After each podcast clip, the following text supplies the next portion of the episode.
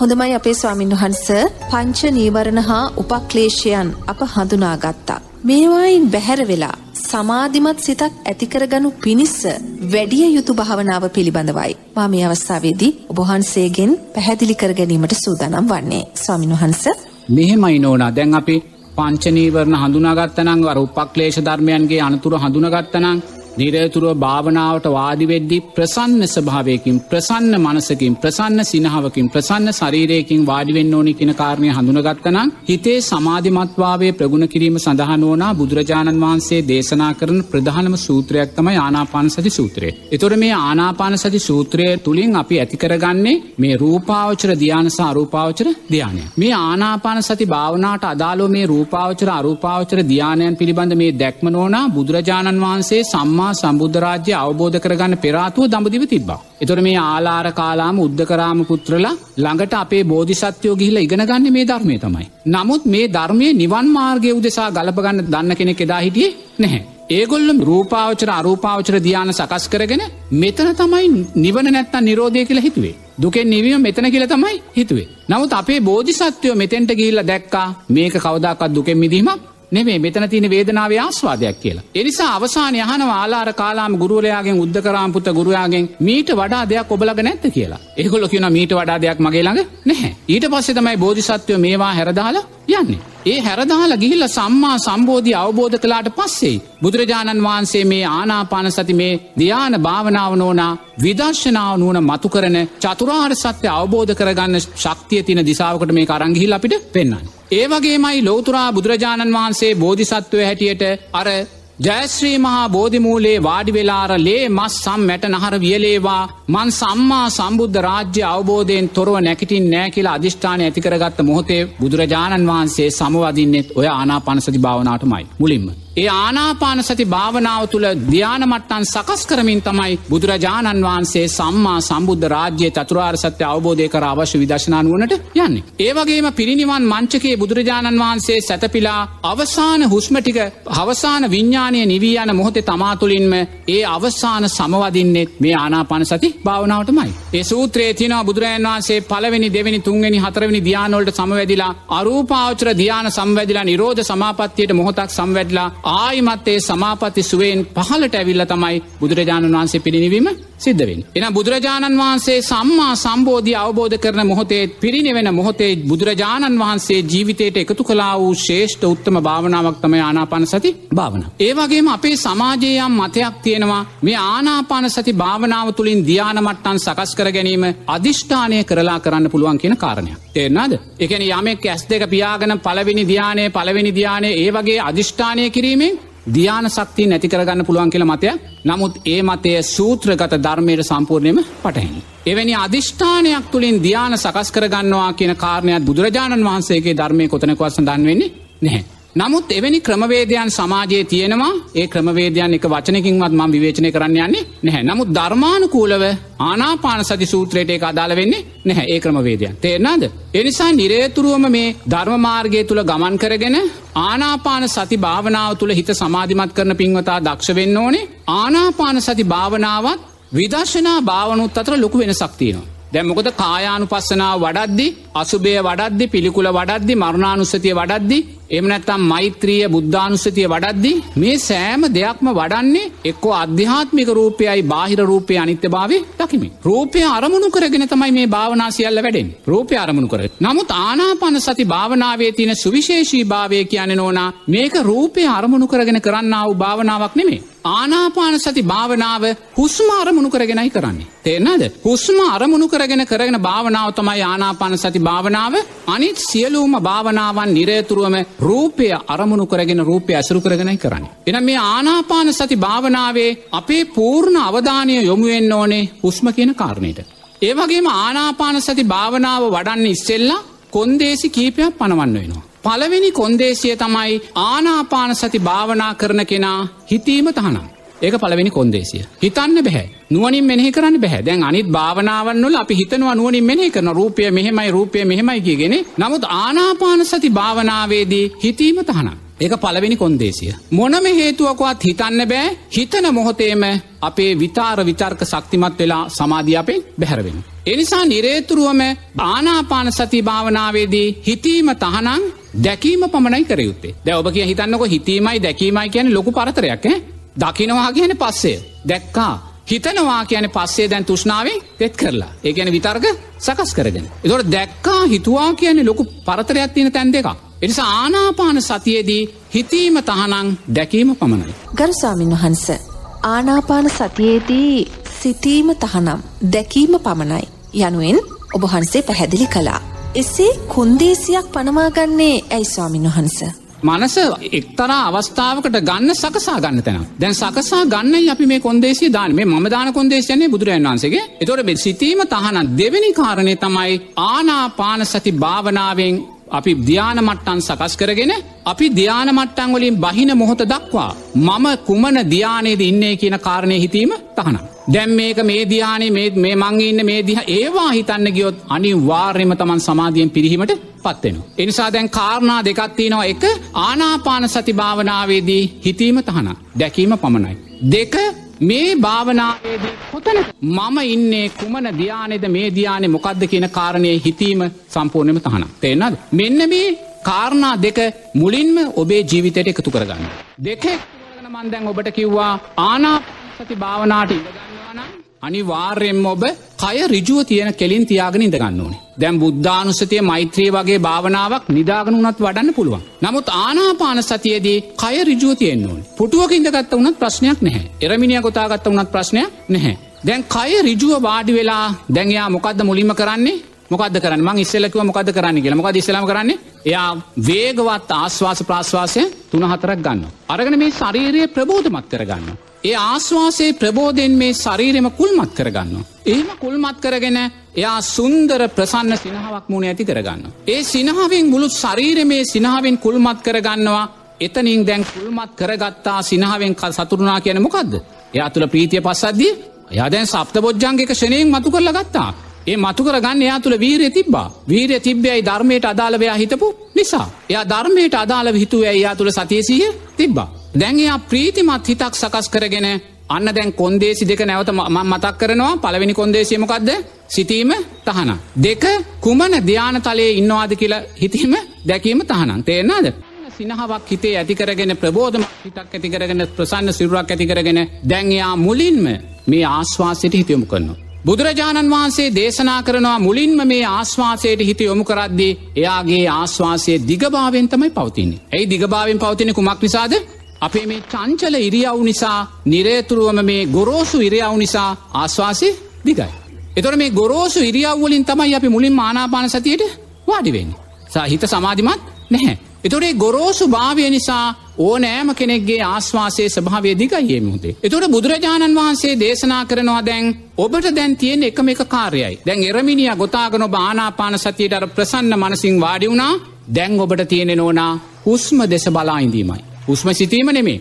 එතොට දැ මුලින් ඔබ දකින්න මොකක්ද මේ ආශ්වාසයේ දිගභාවය දකිනවා. දැන් දිගයි දිගයි දිගයි කියලා හිතීම තහන මන්ද මුලින්මකුව හිතන්න බෑ කියලා. ඔබ දකිනවාදැන්. ඔබේ ආශ්වාසයේ දිගභාවය පටන් මෙම හුස්ම ගනිද්දියේ පටන් ගන්න හුස්ම රැල්ලේ ඉඳං ඔබ සිහිය පවත්වාගෙන මෙහෙම නාසයෙන් ගිහිල්ලා ඔබ මේ සුලන් රැල්ල උදරයට ගිහිල්ලා උදරයෙන් ආයිමත් උඩට ඇවිල්ලා නාසයෙන් පිට වෙන තැන දක්වා සුලන් රැල්ලට ඔබේ හිත පිහිටනවා. දැන් ඔබ හිතුවදමකුත් හිතුවෙනෑ මේ දිගයි ආශ්වාසය දිගයිද එහෙම හිත හිතුව ගමන් විතර්ක සකස්සෙන තවතාව. එනිසා ඔබ දැන් සුලන් රැල්ලට හිත පිහිටනවා. මෙතනින් පටන්ගත්තනම් හුලන් රැල්ල මේ සුරන් රැල්ල ඔස්සේ ඔබ හිත අරංගිහිල්ලා ඔබ උදරයට හරායේ සුලන් රැල්ල ගිහිල්ල ආයිමත් උදරය හරා නාසයෙන් පිට වෙන තැන දක්වා සිහිය පිහිටෝගෙන ඉන්න සුලන් රැල්ලට. තේෙන්න්නද හුස්මරැල්ලට සිය පිහිටවනින් මෙහෙම හුස්මරැල්ලට සිහිය පිහිටවගෙන ඉන්න මොහොතේ ඔබට ක්‍රමාණුකූලුව මේ ආශ්වාසය දිගභාවය සියුම් වෙන පේන.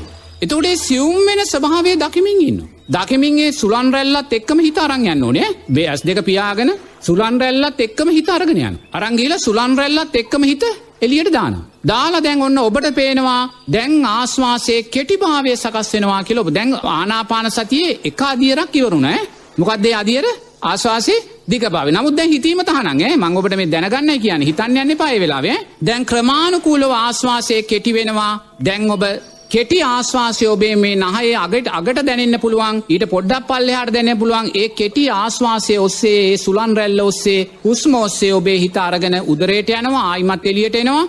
දැන් ඔබට තේරෙනවා ආශ්වාසයේ කෙටිභාවය සියමුණා කියලා. තේරනාද ආශ්වාසය කෙටිභාවයක් සියමුණනා කියල දැන් ඔබට තේරනවා. දැම්මොකක්ද වුණේ? ආශ්වාසයේ දිගභාවයක් සියමුණා. දැන් ඔබ ඒක දකිමින් හිටිය හිතුවෙනෑ ආශ්වාසයේ කෙටිභාවයක් සියුම්මුණා ඔබද හිතුවෙනෑ දකිමින් හිටිය. තේෙන්නාද. දැන් මෙහෙම ආශ්වාසයේ කෙටිභාවයක් සියුම්මුණාට පස්සේ. දැම් මෙන්න සියුම් හුස්මරැල්ලක් දැන් උදරය හරහා ක්‍රියාත්මක වෙනවා ඔබට පේනවා. සියුම් හුළු සුරන්රැල්ල. ඔබේ සියුම් සුරන්රැල්ල දෙස දැන් හිතයෝමාගෙන ඉන්නවා දකිනවා මොකක්ද මේ සුලන්රැල්ල තුළ වෙන්න කියලා. ස්වාමින්වහන්ස එවිට නාසයෙන් ගන්නා පිටකරන හුස්මරැල්ල පිළිබඳව අවධානයෙන් අප ඉවත්වෙනවා නේද.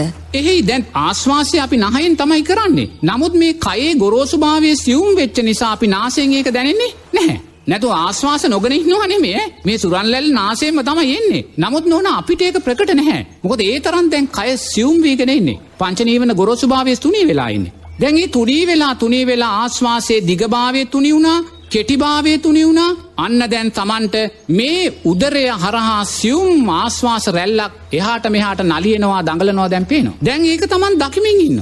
දැන් ආශ්වාසයේ දිගභාවයට මොකද වුණේ ඒවා හිතීම තහනම්. කුමක්ද වෙන්නේ වෙන දේ දකිමින් ඉන්න. තේන දැන් තමන්ට පේනවා මෙතන නලියන සියුම් ආශ්වාසයක් ඇති වෙනවා කියලා. එතවන මේ සියුම් ආශ්වාසය දකිමින් දකිමින් දකිමින් ඉන්නකොට නෝනා අන්න එක ෂණයෙන් එයාගේ මුළු ශරීරයටම ක්‍රමාණුකුරුව ප්‍රීතිය මතු වෙනවා. තේරනාද ප්‍රීතිමත් භාවයක් මතුවෙනවා. ප්‍රීතිමත් භාවයක් මතුවෙනකොට ඒ ප්‍රීතියත් එක්කම සැපයක් ජීවිතයට එනවා කියලා බුදුරජාණන් වහන්සේ දේශනා කරනවා. හොඳයි ස්වාමීන් වහන්ස දැන් ඉන් අනතුරුව උදාවන අවස්ථාව පිළිබඳවත් අපට පැහැදිලි කර දෙන්න ඔබහන්සේ.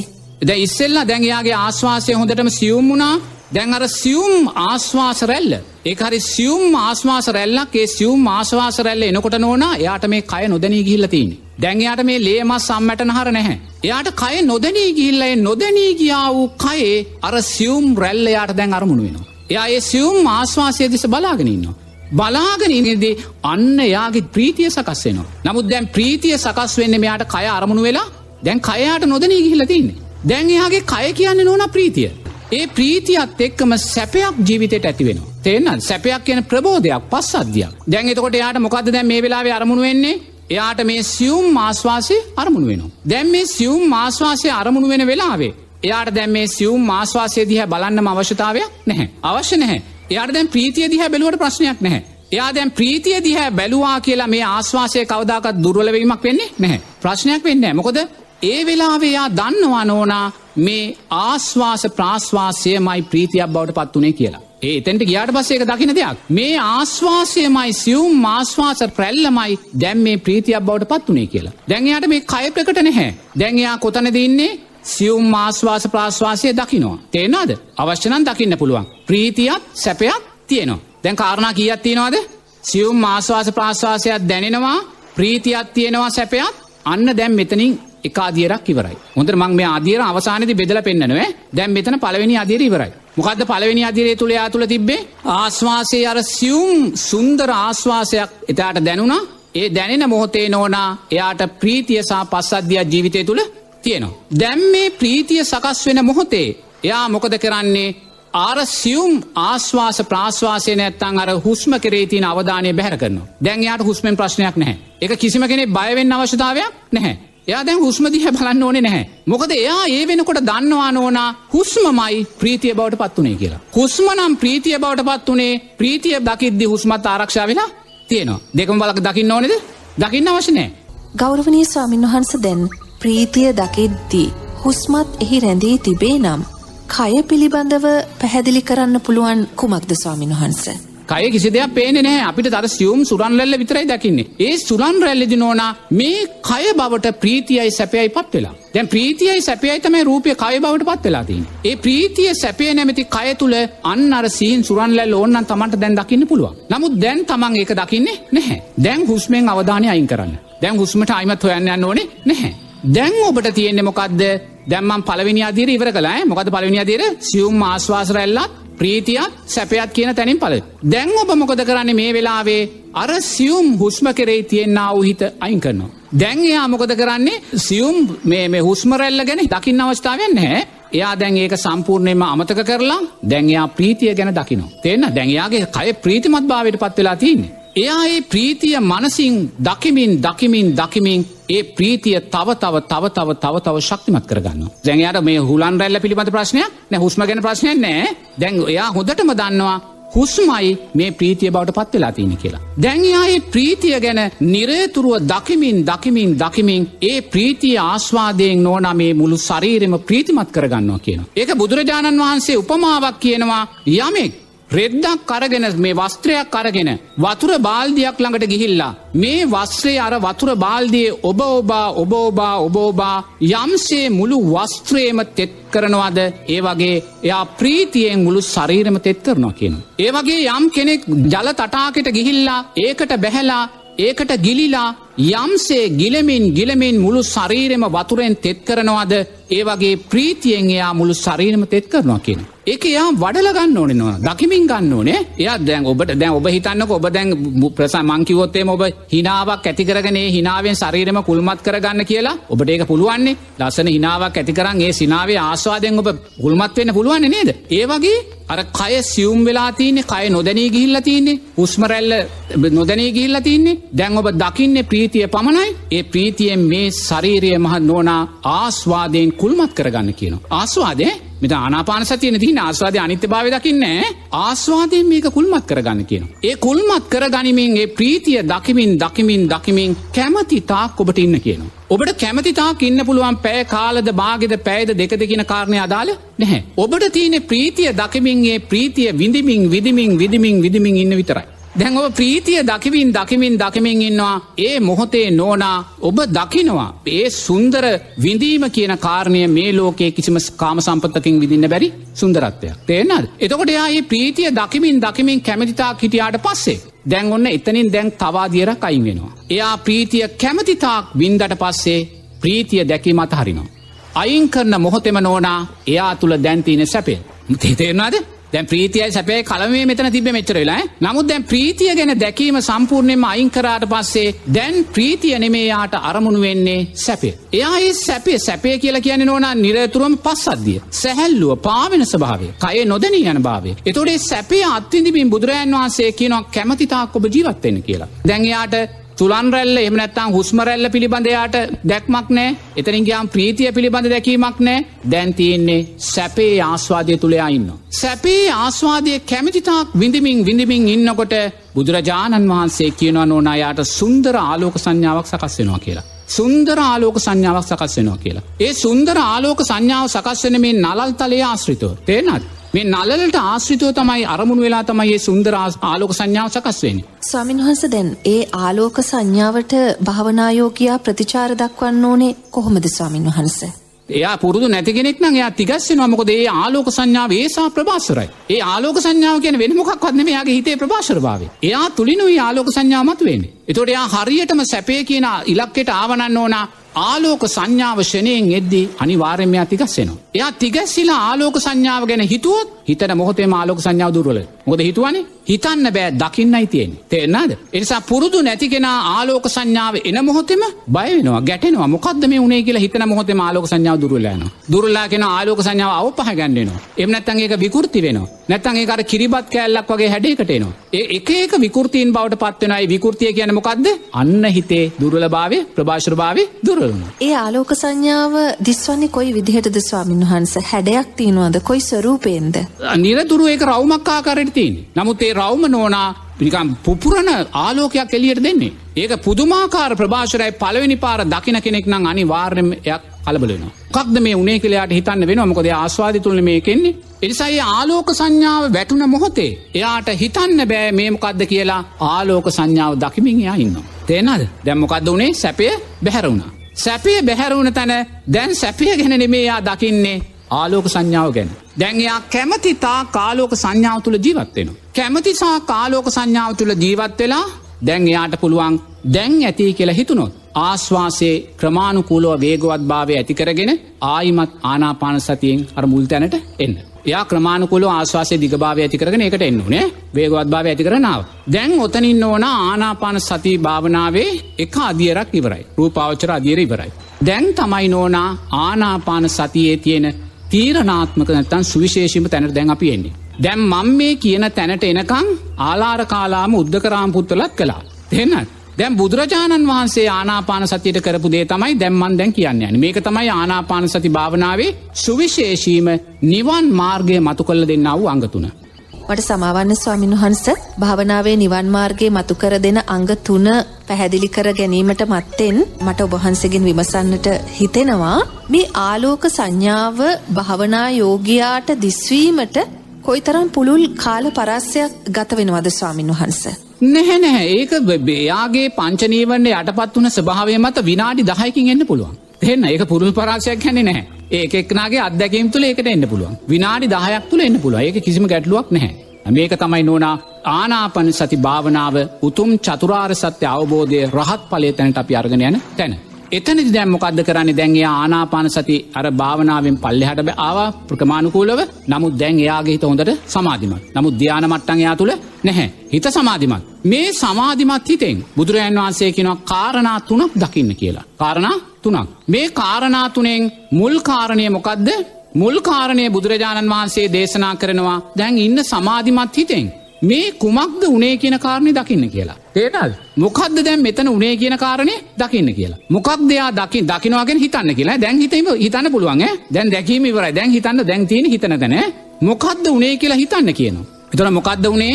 ආශ්වාස ප්‍රාශ්වාසයේ දිගභාවයක් තිබ්බා. ආශ්වාස ප්‍රාශ්වාසයේ කෙටිභාවයක් ඇති වුණා. ආශ්වාස ප්‍රාශ්වාසයේ සියුම්භාවයක් ඇති වුණා. ප්‍රීතිය ඇති වුණා. සැපය ඇති වුණා. අර ආලෝක සංඥාවතුළින් උපේක්ෂාව අන්‍යයා දැන් නුවනින් දකිනවා මොකක්ද දුවනින් හිතනවා මෙන්න මේකයි සිද්ධ වනේ කියලා. දැන් ඒක තමයි පලවෙනි අදියර. දෙවැනි අදියර බවට පත්වෙන්නේ නෝනා දෙවැනි අදියරේදී බුදුරජාන් වහන්සේ කියනවා මෙන්න දැන් තමයි ධ්‍යාන තලවෙන් කළ දකින තැන. තේන දැ මෙතෙන් දෙනකන් ධ්‍යානතල හිතන්න බැහැ. දැම් මේ දෙවැනි අධියරේදී අන්න බුදුරජාණන් වහන්සේ කියනවා දැන් ඔබ ඔබ ගත කලා වූ ආනාපාන සතිභාවනාව ධ්‍යාන වශයෙන් බෙදලා වෙන් කල්ල දකින්න කියලා. අන්න දැන් දකින තැන. තේන්න හිතන තැන. එතකොට දැන් ඒ යෝගාවචරයා දැන් බුදුරජාණන් වහන්සේගේ ආනාපාන සති සූත්‍රයට අදාළව අන්න මේ තමන් ගත කලා වූ ආනාපාන සතිය ධ්‍යාන වශයෙන් බෙදනවා. එතොට ධ්‍යාන වශයෙන් බෙදල බලන්නේ කොහොමද දැම්මං ඔබට කිව්වා අර ආශ්වාසයේ දිගභාවය සියුම්මුණා කෙටිභාවය සකස් වුනා කෙටිභාවය සකස් වෙලා දැන් ඔබට සියුම් ආශ්වාස සුරන් රැල්ලත් දකිනවා. තේට ඒක මේ උදරේ සියුම් නලියන ස්භාවේ තියෙන්න්නාව සියුම්ම සියුම් පත් වන තැනක්. ඒ සියුම්භාවය දකිද්දි ඔබතුළ මොකක්ද තිබ්බේ ප්‍රීතියත් තිබ්බා සැපයක් තිබ්බ. දැ ඔබට ඕන්නන් ප්‍රීතිය ගැන මොහොතක් නතර කරලා මේ හුලන් රැල්ලට හිතයොම කරන්න පුළුවන්. එතොට එතන මොකද තිබේ සියුම් සුරන් රැල්ලත් ඔබට අරමුණ වෙනවා ප්‍රීතියක් තියෙනවා සැපයක් තියෙනවා. අන්න නෝනා එතන තමයි පලවෙනි ධ්‍යාන තලය මොකද පලවෙනි ධ්‍යාන්තල විචාර විතර්ක සහිත. මොකද ඔබ තාම මේ සිහින් සුරන්රැල්ල දකිනවා. විචාර විතර්ක සහිත. ප්‍රීතිය සැපය සහිත පලවෙනි ධ්‍යාන තලය අන්න දැන් තමන් ධ්‍යාන බෙදල බලනවා. මොකද පලවෙනි ධ්‍යාන තලය විචාර විතර්ක සහිත. මොකද මොක සියුම් සුරන්ඩැල තාම අරමුණු වෙනවා. විචාර විතර්ක සහිත. ප්‍රීතිය සැපය සහිත පලවෙනි ධ්‍යාන තලය අන්න දැන් තමන් බෙදල දකිනවා. දැන් පලවෙනි ධ්‍යාන තලයෙන් පස්සේ ඔබ මොකද කළේ? දැම්මං ඔබට කිව්වා අර සියුම් සුරන් රැල්ල ගැන දැකීම අයින් කරන්න කියලා. සියුම් සුරන් රැල්ල ගැන දැකීම අයින් කරන්න කියලා. එතකොට දැන් මොකක්ද ඔබ තුළ තිබ්බේ ප්‍රීතිය සහ සැපය. අන්න දැන් විචාර විතර්ක නිරුද්ධ වූ. ප්‍රීතිය සැපය සහිත දෙවනි ධ්‍යාන තලය. තේන දැන් ආශවාසාම සම්පුරම අයින් කලා උස්මරල්ල අයින් කළ අයින් කළ කොතැට දාවේ ප්‍රීතිය සහ සැපේට. එතොට විචාර විතර්ක රහිත ප්‍රීතිය සැපය සහිත අන්න දෙවැනි ධ්‍යාන තලේ. එතොද ඊළඟට මං මොකක් දොබලාට කිව්වේ දැන්යාට හුස්මරැල්ල අරමුණු වෙන්නෙත් නෑ ප්‍රීතියත්තයා අයින් කලා. එතකොට අන්න දැම් මොකක්ද වනේ විචාර විතර්ක රහිත ප්‍රීතිය රහිත සැපය සහිත තුන්වැනි ධ්‍යාන තලේ. හරිද තුන්වැනි ධ්‍යාන්තල මොක තුන්වැනි ධ්‍යාන්තලේ විචාර විතර්ක රහිත නැති ප්‍රීතියත් නැති සැපය සුකය සහිත තුන්වැනි ධ්‍යාන තලය. දැන් එතකොට දැන්යා සැපය තුළ කැමතිතා කාස්වාදය විඳලා විඳලා ඊළඟට යට මොක දුණේ සුන්දර ආලෝක සංඥාව සකස් වුනා සියල්ලම දැන් යාට අතහැරුණ තේන දැම් මොහද අතහැරුණේ විචාර විතර්ක ප්‍රීති සැප නිරුද්ධ වූ උපේක්ෂාව සහිත හතරනි ධ්‍යාන තලය. ඒතම යරාලෝක සංඥාව. ඒනම් දැන් එයා දැන් අන්න නොනා බලනවා මෙන්න දැන් එයා ධ්‍යාන බෙදල බැලවා. බුදුරන් වන්සේ කියන එක බලන්න කියලා. එතොට ඒක බලන්න අපි කලබල වෙන්න ඕනේ මේ තැනට එනකම් අපි ඉන්න ඕනේ මේ තැනට එනකම් භාවනාවෙන් බැහැර වෙලා අර දෙවැනි අදිරයට එනකම් අපි ඉන්න ඕන. දැන් දෙවැනි අධීරේදී අපි ධ්‍යානතල බෙලලා බැදුවට පස්සේ. මෙන්න බුදුරජන් වහන්සේ තුන්වෙනි අධියර මේ ආනාපාන සතියේ සුවිශේෂී විදර්ශනාමය අවදියට අපි අරං යන. ඒ සුවිශේෂී විදර්ශනාමය අවදියේද අපි මොකද කරන්නේ එයා දැන් මේ ආනාපාන සති භාවනාව සතර සටි පට්ටානයන් මතු කරල ගන්න භාවනාව බවට පත් කරන. දැන් මෙතන තමයි අපිව කෙලින්ම උතුම් රහත් පලයට මේ ආනාපන් සති භාවනා වර්ගනයන්නේ. සෝවාන් පලට රහත් පලට. එයා දැන් මේ ආනාපාන සති සමාධිය මේ දිහාන සමාධිය නෝනා එයා දැන් සතර සටිපට්නාන ධර්මයන් තුළින් මතු කල්ල දකිනවා. එයා මතු කල්ල දකින්න මොකක්ද එයාර සමාධිමත් හිතෙන් දෑස් දෙක පියා දැන් ධ්‍යානමට්ටම්බල නෙමෙයින්නේ ධ්‍යානොලින් බැහලා. එයාර සමාධිමත් හිතෙන් ගැන් දකිනවා. මේ මොහොතේ නිරේතුරුව මෙයා දකිනවා මේ මොහොතේ මා තුළ සකස් වුනා වූ මේ ප්‍රීතිය සැපය උපේක්ෂාව පලවෙනි දෙවෙනි තුන්වෙනි හතරවෙනි මේ සෑම ධ්‍යානතලයක්ම සකස් වුනේ කුමක් ඇසුරු කරගෙනද රූපය ඇසුරු කරගෙන. මේ රූපය නිත්‍යද අනිත්‍යද එයා රූපය අනිත්‍යයි කියල දකින මොහොතේම මේ ධ්‍යානතල සකස් වනාව මේ ප්‍රීතිය සැපේ උපේක්ෂාව සකස් වනාව මේ රූපය අනිත්‍යය කියල දකින වෙලාවෙම කායානු සතර සටිපට්ටාන ධර්මයන්ට අදාළව කායන් පසනාව අනිත්‍ය භාවේ දකින අන්න කායන් පසනම් මතු කොළගත්. ගෞරවනය ස්වාමින් වහන්ස රූපේ අනිත්‍යතාවය දකින්නේ කොයි ආකාරයෙන්ද ස්වාමින් වහන්ස. මෙහෙමයි රූපය අනිත්‍යභාවය දකිනවා කියන තැන්දිම නෝන අපි තුළ එක පාට චිත්‍රයක් එන්න ඕනේ. ඒ චිත්‍රය තුළ මරණානුස්සතිය අසුභය පිළිකුල මේ සියල්ල මේ චිත්‍රය තුළ තියෙනවා. ඒක පුරදු වෙන්න ඕනේ පුරදුුවෙන් නැත් නැත්තන් ඒක හිමිට පුරදුවෙන් තියෙන අනිත්‍යයි කියලා රූපය අනිත්‍යයි කියලා දකිද්දිම ඒ චිත්‍රයටම අර සියල්ලම එකට ගොුණ වෙනවා. දැන් දස දිසාාවේම සත්‍යයෝ සුවපත්වේවා කිව්වාම උතුරු දිසාවේ දකුණු දිසා මෙහෙම කිය කිය යන්න ඕනේ නෑ මුලින් කිය කිය යන්න ඕනේ. නමුත් මේක කියලා පුහුණුනාට පස්සෙ නෝනා දස දිසාවම කියද්දේ අර චිත්‍ර එක පාට ඇවිල්ලා. අර සස්වේක දිව්‍යතල බ්‍රහ්මතල නිරේ දක්වා දස්සිසාව මැවිල්ලා එතකොට ඔබට තියෙන සුවපත්තේවා කියන්න විතරයි. තෙන් අර චිත්‍ර එතැට චිත්‍රයෝ ගන්න ඕනේ. එතොට දැන් ඔබ දැම් මෙතන දයන්න තුන්වෙනි අදිරේදි බලනවා මේ සමාධිය වැඩුනේ රූපය ඇසුරු කරගෙනයි මේ රූපය නිත්‍යද අනිත්‍යද අනිත්‍යයි කියෙන දකින වෙලාවේ ආනා පානසති භාවනාව තුළින් ඔබ කායානු පස්සනාව මතුකර ගත්තා වෙන. ඊළඟට ඔබ දකිනවා මේ භාවනාවට යොමුවෙච්ච මොහොතේ පටන්. මම මේ පතරවෙනි ධ්‍යාන තලය ඇතිකරගන්න මොහොත දක්වා මාතුළ වැඩුණේ සැපවේදනාවද්ද දුක්වේදනාවද්ද උපේක්ෂාසාගත වේදනාවද්ද සැපවේදනාසා උපේක්ෂාසාගත වේදනා දෙකම මාතුළ වැඩුණ. එතොට මේ සැපවේදනා දුක්වේදනා නිත්‍යද අනිත්‍යද අන්න අනිත්‍යය කියල දකින වෙලාවේ ඔබ සතර සටිපට්ටාන ධර්මයන්ට අදාළව වේදනානු පස්සනාවේ අනිත්‍ය භාවය දැක්ක. එනම් බලන මේ කායානු පස්සනාව අපි තුළ දැම් වැඩුණෙත් වේදනානු පස්සනාව අපි තුළ වැඩුණෙත් සිතුවිලි ඇතුරෙන් පංච උපාදානස්කන්දයක් ඇසුරෙන්මයි ඒ සිත අනිත්‍යයි කියලා දකින මොහොතේම අන්න චිත්තානු පසනාව වැඩුණ. දැන් මේවා සිතුවිලි හැටියන අපි දැන් දැක්ක නේද සකස්වෙන්න මේ සිතුවිලි නිත්‍යද අනිත්‍යද දැන් ඔබ වේදනානු පස්සනාව අනිත්‍යය කියලා දැක්ක සිත නිත්‍යද අනිත්‍යද ඒ අනිත්‍යය කියලා දකින වෙලාවේ අන්න චිත්තානු පස්සනාව දකිනවා සතරසරි පට්නාන ධර්මයට. ඊට පස්ස ඔබ දකිනවා මේ ආනාපාන සති භාවනාව වඩපු කාලය පුරාවට මාතුළ සකස් වුනේ පංචනීවරණයක්ද සප්ත බොජ්ජන්ගයක්ද ඒ සප්ත බොජ්ජංග නිත්‍යද අනිත්‍යද අනිත්‍යයි කියලා දකින වෙලාවේ සතර සටිපට්ටාන ධර්මයන්ට අදාලව දම්මානු පස්සනාව ඔබ අන්න ආනාපාන සතිතුලින් සතර සටිපට්ටාන ධර්මයන් මතු කල්ල ගත්තා. නිවන් මාර්ගය මතු කල්ල ගත්තා විදශනා නුවන මතු කරල ගත්තා රූපේ වේදනාවේ අනිත්‍ය භාවය මතු කල්ල ගත්තා. ඊළඟට ඔබ මොකද කරන්නේ මේ ආනාපාන සති භාවනාව තුළින් ඕනා පංච උපාදානස්කන්දය අනිත්‍ය භාවය මතු කල්ල දකිනවා. දැන් මුලින් ඔබ දැක්ක සතර සටි පට්ටාන ධර්මයන්ගේ අනිත්‍ය ස්භාවය දැන් ඔබ පංචුපාදානස්කන්දය අනිත්‍ය භාවය මතු කළ දකිනවා. ඔබ පංචුපාදානස්කන්දය අනිත්‍ය භාවය මතු කළ දකින්න කොහොමද? ඔබ දෑස් දෙක පියාගෙන මොහොතක් දකිනවා. මේ සමාධිමත් හිත සකස් වුනා වූ මේ ප්‍රීතිය පස්සද්ධිය සකස් වුනා වූ සැපය උපේක්ෂාව සකස් වුනා වූ මේ රූපය අනිත්‍යයි. දකින මොහොතේ ඔබ වර්තමාන රූපස්කන්දය අනිත්‍ය භාවේ පංච උපාදානස්කන්දයට අදාළව වර්තමාන රූපස්කන්දය අනිත්‍ය භාවය දකින. ඊළඟට ඔබ දකිනවා මේ ආනාපාන සති භාවනාව පුරාවට මාතුළ වැඩුණා වූ සැපවේදනාවන්සා උපේක්ෂාසාගත වේදනාවන් අනිත්‍යයි කියලා මොහොතක් දකින වෙලාවේ ඔබ පංච උපාදානස්කන්දයට අදාළව වර්තමාන වේදනස්කන්දය අනිත්‍ය භාවය දකිනවා. ඊළඟට ඔබ දකිනවා නිරේතුරුව මේ ආනාපාන සති භාවනාව තුළ කොච්චරනන් සංඥාවන් හඳුනා ගැනීමන් සකස් වෙන්න නැද්ද. මේ මෙන්න දැන් ආශ්වාසය දිගභාවය මෙන්න කෙටිභාවය මෙන්න නිරුද්ධ වුණා මෙන්න ප්‍රීතිය මෙන්න සැපේ මෙන්න පලවෙනි ධ්‍යානය මෙන්න දෙවැනි මේ ආකාරයෙන් ඇතිකරගත්තා වූ සෑම හඳුනා ගැනීමක්ම නිත්‍ය වුණාද අනිත්‍ය වුණාද අන්න අනිත්‍යයි කියලා දකින මෝතේ වර්තමාන සංඥාස්කන්දේ අනිත්‍ය භාවය දකිනවා. මේ මෝතේ ආනාපාන සති භාවනාව තුළින් ඔබ තුළ වැඩුණාව මේ කුසල් සංස්කාරයන් නිත්‍යද අනිත්‍යද අනිත්‍යයි කියලා දකින මෝතේ වර්තමාන සංස්කාර ස්කන්දයට අදාළව අනිත්‍ය භාවය දකිනවා. ඒ මේ ආනාපාන සති භාවනාව තුළ ඔබ තුළ වැඩුණා වූ යම් විඤ්ඥානයක් විශේෂූ දැනීම්. මේක පලවෙනි ධ්‍යානය මේක දෙවෙනි ධ්‍යානය මේක තුන්වෙනි ධ්‍යානය මේක හතරවෙනි ධ්‍යානය මේක සැපය මේක ප්‍රීතිය මේක උපේක්ෂාව කියලා විශේෂූ දැනීම් මුලින් අපි විශේෂූ හඳුනා ගැනීම් දැක්ක මේ විශේෂූ දැනීම් නිත්‍යද අනිත්‍යද ඒනන්න ඕනා මේ විශේෂ සෑම දැනීමක්ම අනිත්‍යය කියලා දකිද්දී. පංච උපාදානස්කන්දයට අදාළව වර්තමාන විඤ්ඥානස්කන්දය අනිත්‍ය භාවේ අන්න බලන්න ආනාපාන සති භාවනාව තුළින් අපි මුලින් සතර සටිපට්ටානයන් මතු කළ දැක්ක දැන් දෙවනුව මොකද දැක්කේ වර්තමාන පංචුපාදානස්කන්දය අනිත්‍ය භාවේ මතු කළ ගත්තා. ඊළඟට එයා දකිනවා වර්තමාන පංචුපාදානස්කන්දය අනිත්‍ය භාවය දැක්කාට පස්සේ. මේ ආනාපාන සතිභාවනාව අතීත පංචුපාදානස්කන්දේ අනිත්‍ය භාවටයා ගලපල දකිනවා. එයා දකිනවා අතීතේ මන් සම්මා සම්බුද්ධ ශාසනවල පටිච්ච සමුපන්නෝ ඉපදිලා කොයි සානම් ධ්‍යාන සකස් කරගන්න නැද්ද. කොයි සානම් රූපාවචර අරූපාවචර බ්‍රහ්මතලවල ඉන්න ඇද්ද. මේ සකස් වනා වූ සෑම ධ්‍යානයක්ම සකස් වනේ රූපයක් ඇසුරෙන් ඒ අතීත රූපස්කන්දය නිත්‍යද අනිත්‍යද. ඒ අතීත රූපස්කන්දය අනිත්‍යය කියලා දකිද්දී අතීත පංචු උපාදානස්කන්දයට අදාලෝ රූපස්කන්දය අනිත්‍ය භාවය දකිනවා.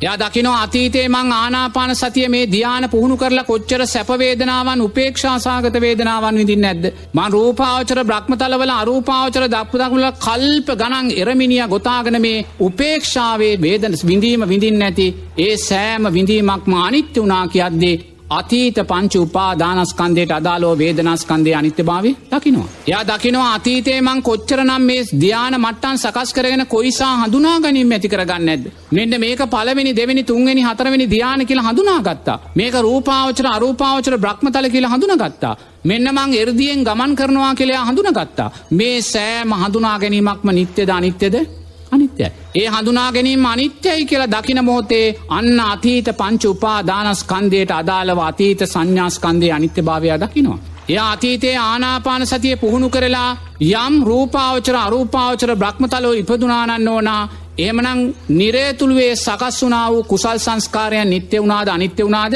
අනිත්‍ය වුණා. ඒ අනිත්‍ය වුණා වූ සංස්කාරයන් අනිත්‍යයි කියලා දකිද්දී එයාන්න අතීත පංච උපාදානස්කන්දයට අදාලෝනෝනා සංස්කාරස්කන්දය අනිත්‍ය භාවය දකිනවා. ඒවගේ මේ අතීතයේ ආනාපාන සති භාවනාව වඩලා කොච්චරනම් විශේෂූ දැනීම් ඇතිකරගන්න ඇද්ද. මෙන්න නිත්‍ය වශයෙන් නිස්තයා ස්තිර වශයෙන් දකිනවා මේක පලවෙනි දෙවැනි තුන්වෙනි හතරවෙනි ධ්‍යාන කියලා. මේක තමයි රූපාවචර බ්‍රහ්මතලය අරූපාවචර බ්‍රහ්මතලය. මේකයි සමාධිය උපේක්කාව මේකයි ප්‍රීතිය සැපය කියලා ස්තිර වශයෙන් දකිනවා. ඒ විඤ්ඥානයන් නිත්‍ය වුණාද අනිත්‍ය වුණාද? අනිත්‍ය වුණා. අන්න අතීත පංචුපා දානස්කන්දයට අදාළව අතීත විඤ්ඥානස්කන්දය අනිත්‍ය භාවේ දැන්යා මොකක්ද කළේ මුලින් වර්තමාන පංචුපාදානස්කන්දය අනිත්‍ය භාවය මතු කළ ගත්තා.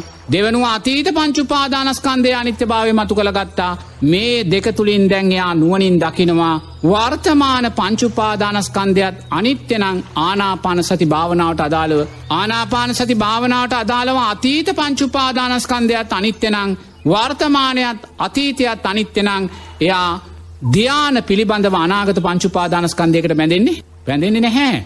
එයා ධ්‍යාන සකස් කර ගනිමින් නිරේතුරුවේ ධ්‍යානයන්ගේ අනිත්‍ය භාවය දකිනවා. එයා ධ්‍යානයන්ගේ ආස්වාදයට බැඳෙන්නේ නැහැ. එය ආස්වාදය තුළ ධ්‍යාන මට්ටන් සකස් කරගෙන ඒ ආස්වාදයෙන් බහින මොහොතේම එයා ඒ සියල්ල සියලුම් දේම වර්තමාන පංචුපාදානස්කන්දය අනිත්‍ය භාවට ගලපනවා. එයා ධ්‍යාන මට්ටම් තුළ ඉන්න නිරේතුරුවම ධ්‍යාන මට්ටම් වලින් බහින මොහොතේම ඒ සංස්කාරයන්ගේ අනිත්‍ය භාවය දකින්නේ. දැන්යාට රූපාවචර බ්‍රහ්මතලය කියන දේ සිහිපත් වෙද්දී එයා දකින්න අනිත්‍යය කියල විතරයි. යට දැන් අරූපාවචර බ්‍රහ්මතල ගැන සිහිපත් වෙද්දී එයා ඊළඟ චිත්තයෙන් දකින්න අනිත්‍යය කියල විතරයි. යට පලවෙනි දෙවැනි තුන්වෙනි හතරවෙනි ධ්‍යාන සිහිපත් වෙද්දී එයා දකින්න මේවා අනිත්‍යවූ දේවල් කියලා අන්‍යයා වර්තමාන පංචුපාදානස්කන්දයට බැඳෙන්නේ නැහැ. එය අතීත පංචුපාදානස්කන්දය අනිත්‍ය භාවය දැක්කා. ඒ නිසා කවදක්වත් එයා නැවත ධ්‍යාන නිසා නෝනා අනාගත පංචුපාදානස්කරනට බැඳීම නැහැ. අන්‍යයා මේ භවේ නිරෝධය වුණා නිරුද්ධ වනා කියලා බුදුරජාන් වහන්සේ දේශනා කරන.